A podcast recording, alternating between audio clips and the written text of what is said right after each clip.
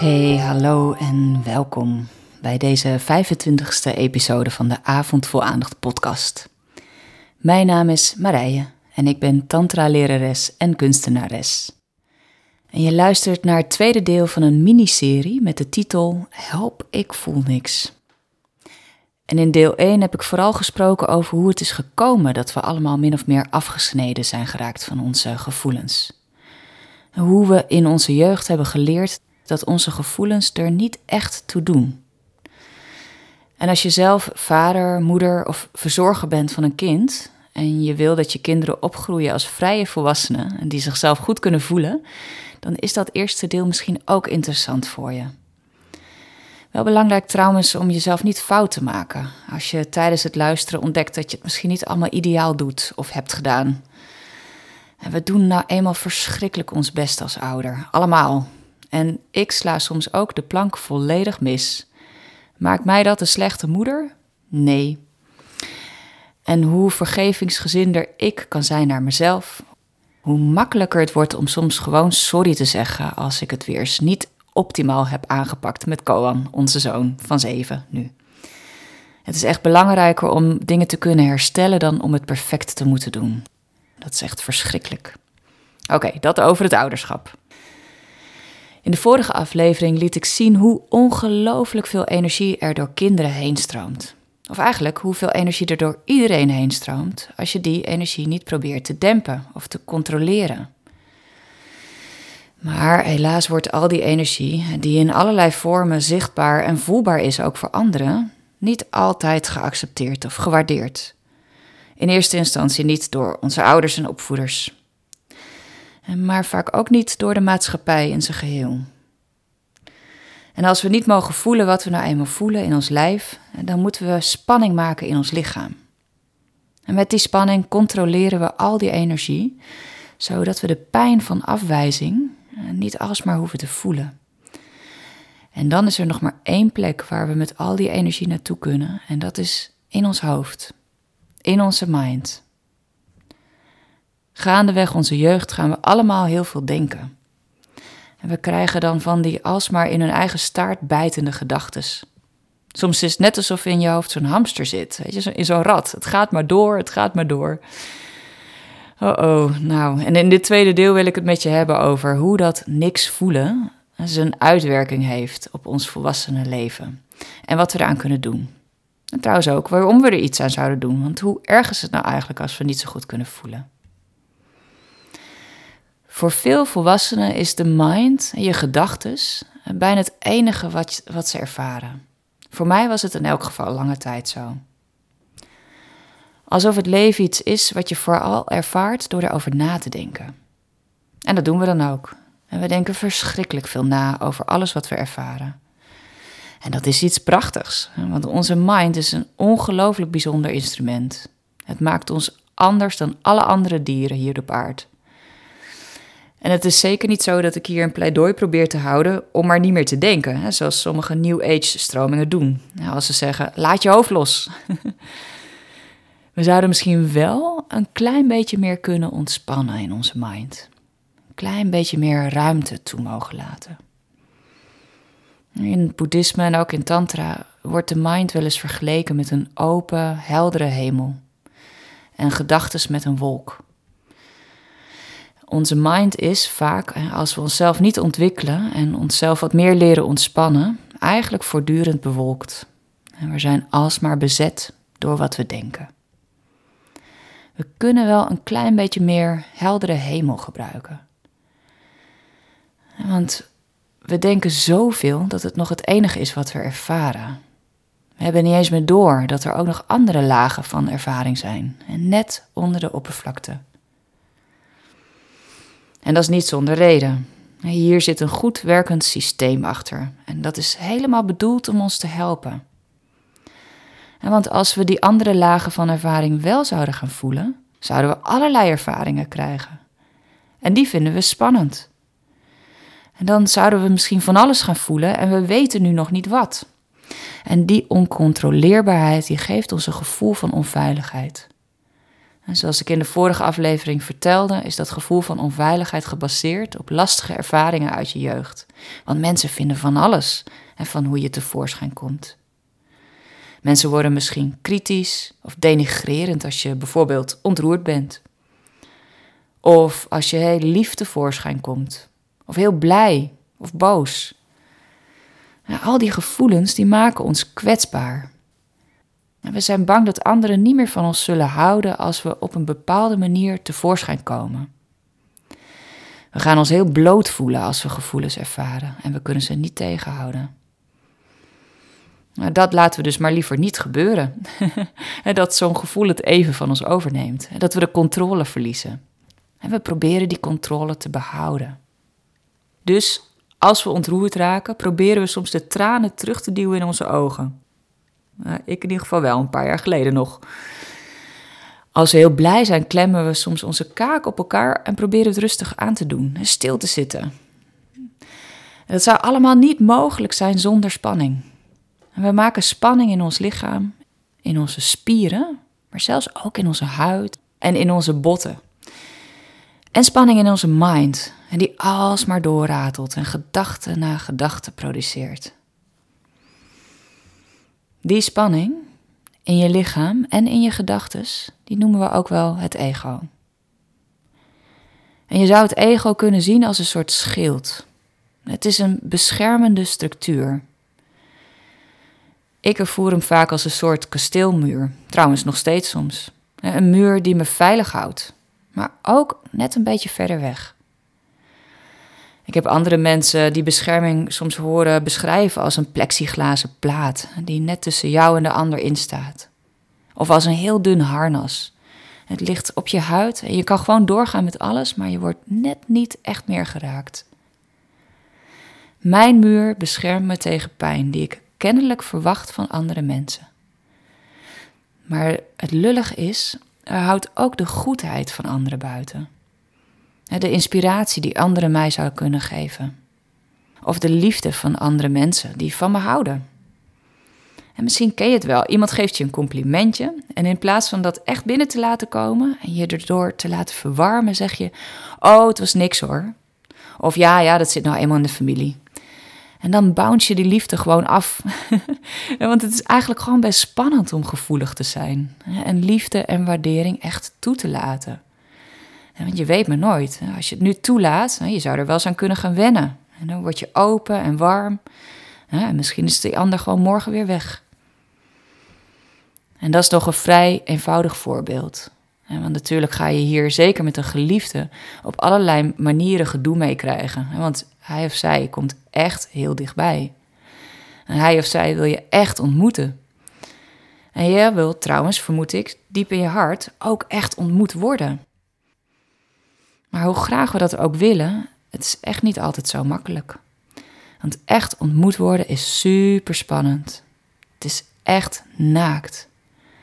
En iets in ons, het deel van ons dat ons veilig wil houden, vertikt het soms om zo bloot te worden. Want echt ontmoet worden vraagt van je dat je jezelf helemaal laat zien. En bijvoorbeeld, je hebt een complimentje gekregen, maar durf je te erkennen hoe lastig het voor je is om dat compliment echt binnen te laten. En durf je te zeggen bijvoorbeeld: Jeetje, hier word ik echt verlegen van. En ik ga me ook een beetje verdrietig voelen, want je zegt iets heel liefs tegen me. En ik voel dat mijn eerste neiging is om het aan de kant te schuiven. Of als je merkt dat je geliefde je al een paar keer niet laat uitpraten, lukt het je om hem of haar te zeggen dat je je verdrietig gaat voelen of eenzaam als je zinnen worden ingevuld en afgemaakt. Dat is echt naakt. Iets in ons wil dat soms gewoon liever niet. En gooit liever eenvoudig nors de deur dicht. Stik er maar in. Of je blijft misschien vriendelijk glimlachen en je doet alsof er niks aan de hand is.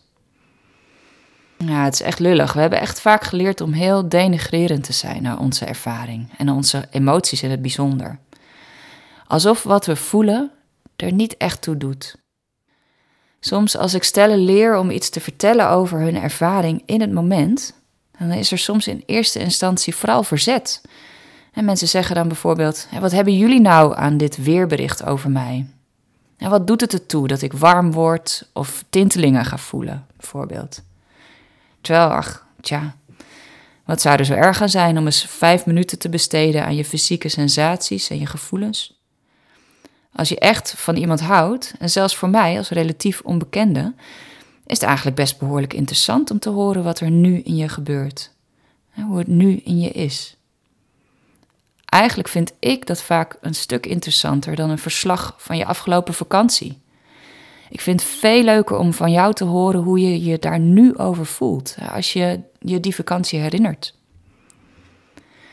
Maar we hebben nou eenmaal een heel sterke imprint dat onze gevoelens en emoties losse flodders zouden zijn. Irrelevant, niks zeggend, toevallig en irrationeel. Nou, dat laatste is wel waar. Onze gevoelens zijn inderdaad behoorlijk irrationeel. Ik zou zeggen, thank God dat er nog iets aan ons irrationeel is. Maar dat wil nog niet zeggen dat er geen intelligentie in zit. Een belangrijke hypothese binnen Tantra. Oh, en let op, het is een hypothese. En neem het met een korrel zout, totdat je zelf hebt ervaren dat het zo is. En maar de hypothese is dat iedere ervaring, en dus ook iedere emotie, een toegang kan zijn tot wat we het goddelijke noemen.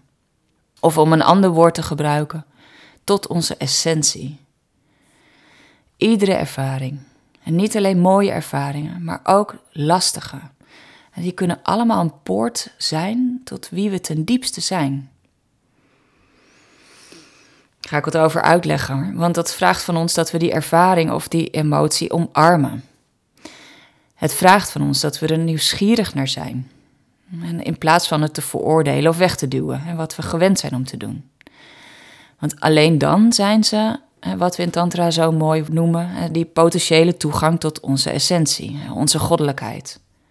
Ik ga je gewoon een voorbeeld geven van hoe het werkt. Dat is een beetje vage taal. en stel je voor, je bent verdrietig. Echt verdrietig.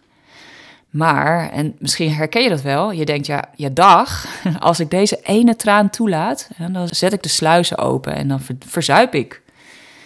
En want je voelt aan je water dat er behoorlijk wat verdriet is weggestopt, misschien wel, in al die jaren dat je het niet hebt mogen voelen. Ik weet nog hoe ik bij een therapeute zat en haar vertelde dat het voelde alsof er een kille, koude, donkere oceaan van verdriet in mijn buik huisde. Zo diep en zo donker dat je de bodem nooit te zien zou krijgen. En no way dat ik ging huilen. Echt te spannend. Ik was te bang dat die hele oceaan mij zou gaan overspoelen. Zij verzekerde me: ik blijf bij je. En damn, daar had ze me. Want ik had vroeger geleerd dat verdriet iets was dat ik in mijn eentje beleefde. En dat er geen holding voor me was, geen steun als ik mij verdrietig voelde. En dat is geen fout van mijn ouders. Dat is ook zeker niet iets waar ik alleen in ben. Heel veel mensen hebben dit vroeger zo ervaren. En als kind is zo'n gevoel ook werkelijk te veel. Je hebt de steun en de troost en de armen van je mama nodig als je verdriet hebt. En de geruststelling: het is oké, okay. maar, ik ben er. En zonder die steun is er geen andere keus dan het verdriet opzij te zetten het weg te duwen tot een ander moment, waarop die steun en holding er hopelijk wel is. En dat moment was kennelijk nu. want die therapeute, zij bleef en ik begon haar te vertrouwen. En ze vertelde me ook nog eens iets wat me altijd geholpen heeft daarna. En ze zei: Jouw lichaam is oneindig wijs. Het zal je nooit meer laten ervaren dan je werkelijk aan kunt. Nou, toen was er nog maar één laatste verzet in mij. en ik zei, en dit is iets wat ik veel van mijn cliënten later ook hoorde zeggen. Ja, ja, wat heeft het voor zin om te huilen? Ik weet niet eens waar ik verdrietig over ben. Alsof mijn mind verstand heeft van wat ik voel. Alsof een gevoel pas echt waar is op het moment dat je weet waarom het er is. Lieve mensen, trap er niet in in die truc. Het is gewoon een truc van een deel van je dat wil voorkomen dat jij je overgeeft aan je vrije stroom. Want zo werkt het gewoonweg niet. gevoelens zijn er, wat je er ook van vindt. En ze zijn per definitie irrationeel.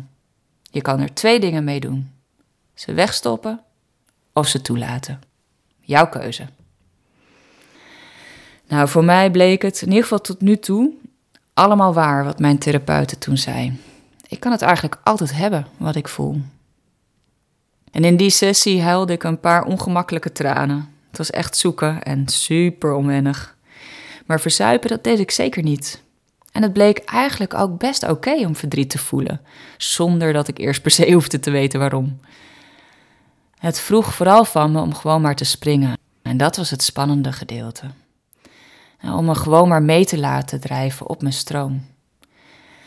En met dat ik leerde om respectvoller te zijn, vriendelijker te zijn met mijn eigen emoties, werd het gaandeweg steeds makkelijker om ze gewoon maar te laten komen. Ik werd er steeds minder bang voor. Ja, het is echt spannend. Ik weet er alles van. Eh, maar er staat ook iets moois op je te wachten. Er is echt een beloning voor de dappere mensen die durven te springen.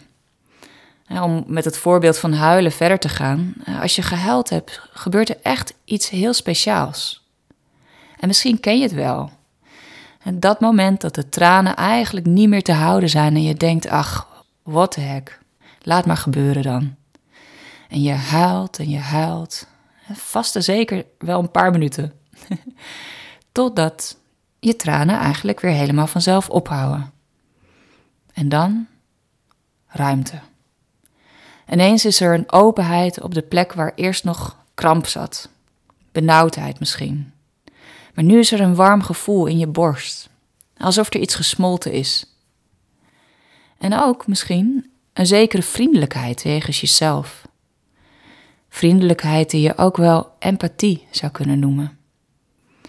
En is dat nou niet precies wat je nodig hebt als je verdriet ervaart? Oké, okay, resume. dus als je verdriet toelaat, je blijft. Je gaat er niet mee down the drain. Je blijft jezelf voelen. Je blijft nieuwsgierig. En dan ga je uiteindelijk, mogelijk, empathie voelen. Precies wat je wil voelen als je iets verdrietigs hebt meegemaakt. We noemen dit proces van verandering ook wel transformatie. En dit is wel wat ik bedoel met gevoelens zijn intelligent. Tantra wordt soms ook wel het pad van transformatie genoemd. Om deze reden. Want dit is wat we doen. Alles omhelzen wat we ervaren. En vervolgens blijven we nieuwsgierig naar het proces wat dan vanzelf op gang komt. Het enige wat wij hoeven te doen is sit back and stay tuned.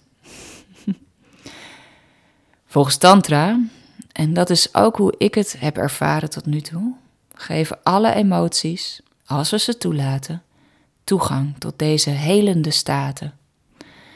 Het transformeren alle emoties, als we ze omhelzen in plaats van wegduwen, in essentiële kwaliteiten die we kunnen voelen. Nog een voorbeeld? Woede. Man, wat is dat spannend. En dat is spannend omdat we de destructieve kracht ervan heel goed kennen, helaas. Daarom zijn we zo sterk geneigd om woede weg te drukken en net te doen alsof het er niet is. Daar krijg je van die hele krachtige klemkaken van. Misschien heb jij ze ook wel. Ik ben soms verbaasd en met welk gemak ik even een potloodje doorbijt. En dan was ik nog niet eens op 50% van mijn volle sterkte. Lullig is dat we desondanks, of misschien liever gezegd dankzij die onderdrukking leven in een wereld die voortdurend door woede wordt ontwricht. Je ziet het op Facebook, je ziet het op de snelweg. En je ziet het in de vele oorlogen die woeden op dit moment. Helaas zijn we niet zo goed met onze woede. En ik denk dat het komt doordat we geen volwassenen om ons heen hebben gehad vroeger, die ons lieten zien hoe je er op een gezonde manier mee om kon gaan. We hebben er geen idee van dat er überhaupt een bewuste manier is om met woede om te gaan. Iets anders dan onderdrukken of het uitleven. Alleen als we woede gaan zien als gewoon een hele hoop energie, in plaats van iets slechts, alleen dan kunnen we haar leren kennen. Dan pas mogen we er echt nieuwsgierig naar worden. En ook dan pas kunnen we leren hoe we aanwezig kunnen blijven, terwijl die hele rode, hete energie gewoon door ons heen beweegt. want we kunnen werkelijk leren om woede te hebben en te houden in ons eigen veld, in ons eigen lichaam. Zonder haar uit te acten door iets stuk te maken, zonder lelijke woorden te gebruiken of zonder ergens een bom op te gooien. Alleen zo kan woede transformeren tot die essentiële kwaliteit die erin opgesloten ligt. Kracht. Pure kracht. Kracht die je kan helpen om bijvoorbeeld nee te zeggen tegen iets of tegen iemand die over je grenzen heen gaat. Kracht die je helpt om onrecht te stoppen of iets te stoppen wat je niet meer dient. Er zit wel degelijk intelligentie in woede. En als je haar onderdrukt, loop je een hoop van die kracht mis. En vooral meisjes hebben goed geleerd dat we niet boos mogen worden. De maatschappij vindt van alles van boze vrouwen. En we hebben een geschiedenis van heksenvervolging en van vrije vrouwen die voor zichzelf opkwamen. Die geschiedenis schudden we helaas niet zomaar van ons af. Het maakt dat we nog steeds vriendelijk lachen, in plaats van in woede ontbranden en stop zeggen als iemand ons onafgestemd aanraakt. Bijvoorbeeld op de dansvloer. We kunnen wel een beetje meer van die gezonde woede gebruiken. Er zit intelligentie in alles wat we voelen. Want hoe kan je anders weten wat waar is voor jou? Hoe kan je anders weten waar je heen wil in je leven? Welk werk je graag zou willen doen? En met wie je graag bent? En met wie eigenlijk liever niet? Nou, even terug naar het effect van het onderdrukken van je gevoelens op je liefdesrelatie. Dan stel je eens voor, hè? Stel je voor bijvoorbeeld, je mag geen verdriet voelen van jezelf. En dan zou je spanning moeten maken om verdriet, als het gewoon in je gebeurt, eronder te houden. Die spanning, die maakt dat je een beetje verhardt. Je creëert een muurtje dat je veilig houdt, maar ook een beetje eenzaam. En die spanning of verharding is niet alleen akelig voor jou, maar die is ook voelbaar voor anderen. En als je partner vervolgens iets zegt wat je eigenlijk verdrietig maakt, of misschien maken jullie samen iets verdrietigs mee, en dan mag je dus niet gewoon huilen, maar moeten je tranen weg.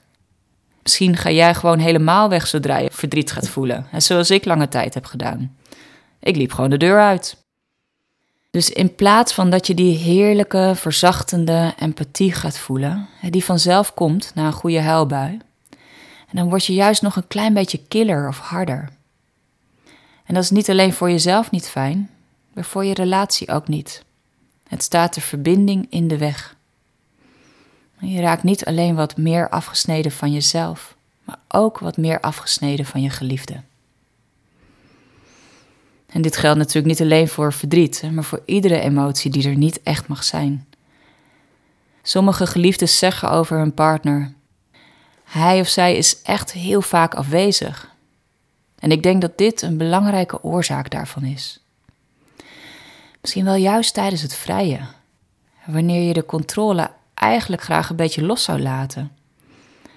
En juist dan kan je soms die verharding gaan maken om te voorkomen dat je de controle loslaat. En juist dan wordt vrije juist helemaal niet intiem. En dan kan vrije echt gaan voelen als een soort performance. Terwijl echt aanwezig zijn, hier zijn, nu, dat is iets heel fijns. We zouden heus wel aanwezig blijven als we geleerd hadden hoe. Ik kan niet zo goed bij mijn gevoel, is wat mensen vaak zeggen tegen me. En niet een beetje vaak, echt heel vaak. Ik zit altijd in mijn hoofd, zeggen ze dan vaak ook. En ze realiseren zich dat het hen beperkt om het leven voluit te ervaren. Maar ja, hoe hou ik op met denken, vragen ze dan. Lieve mensen, hou niet op met denken. Het enige wat je hoeft te doen is ook wat tijd vrijmaken voor die laag van je ervaring, net onder je gedachtes. In onze sessies en in onze trainingen leren we je technieken die je samen met je partner, maar ook alleen kan beoefenen, als je het leuk vindt om daar wat tijd en ruimte voor vrij te maken. En we helpen je om je aandacht alsmaar in het nu te brengen. Bij alle lagen van je ervaring in dit moment. Dus niet alleen bij die dominante gedachten, maar ook bij je gevoelens en je sensaties, die je in de rest van je lichaam kunt voelen. In onze mind vormen we beelden van het verleden en van de toekomst. Onze gedachten weten alleen maar heel weinig over dit moment. Het zijn concepten, ideeën, beelden. Het zijn constructen die we zelf maken, maar ze zijn niet geworteld in de realiteit. Maar intimiteit, dat kan alleen plaatsvinden in het nu. Nu voel je je dichtbij. Dicht bij jezelf, dicht bij iemand anders misschien. Of juist heel ver weg. En nu voel je je buik wat samentrekken misschien. Bij de gedachte dat je iets verkeerd zou gezegd hebben. Of nu voel je hoe alles in je borst jubelt als hij of zij op die manier naar je kijkt. En je kan alleen intiem zijn, met jezelf of met anderen, in het nu. Dus als je intimiteit wil ervaren, dan helpt het om je aandacht te brengen bij het nu. Bij alles wat je opmerkt in je lichaam. En wat heel erg helpt daarbij, als je meer wil voelen, is vertragen.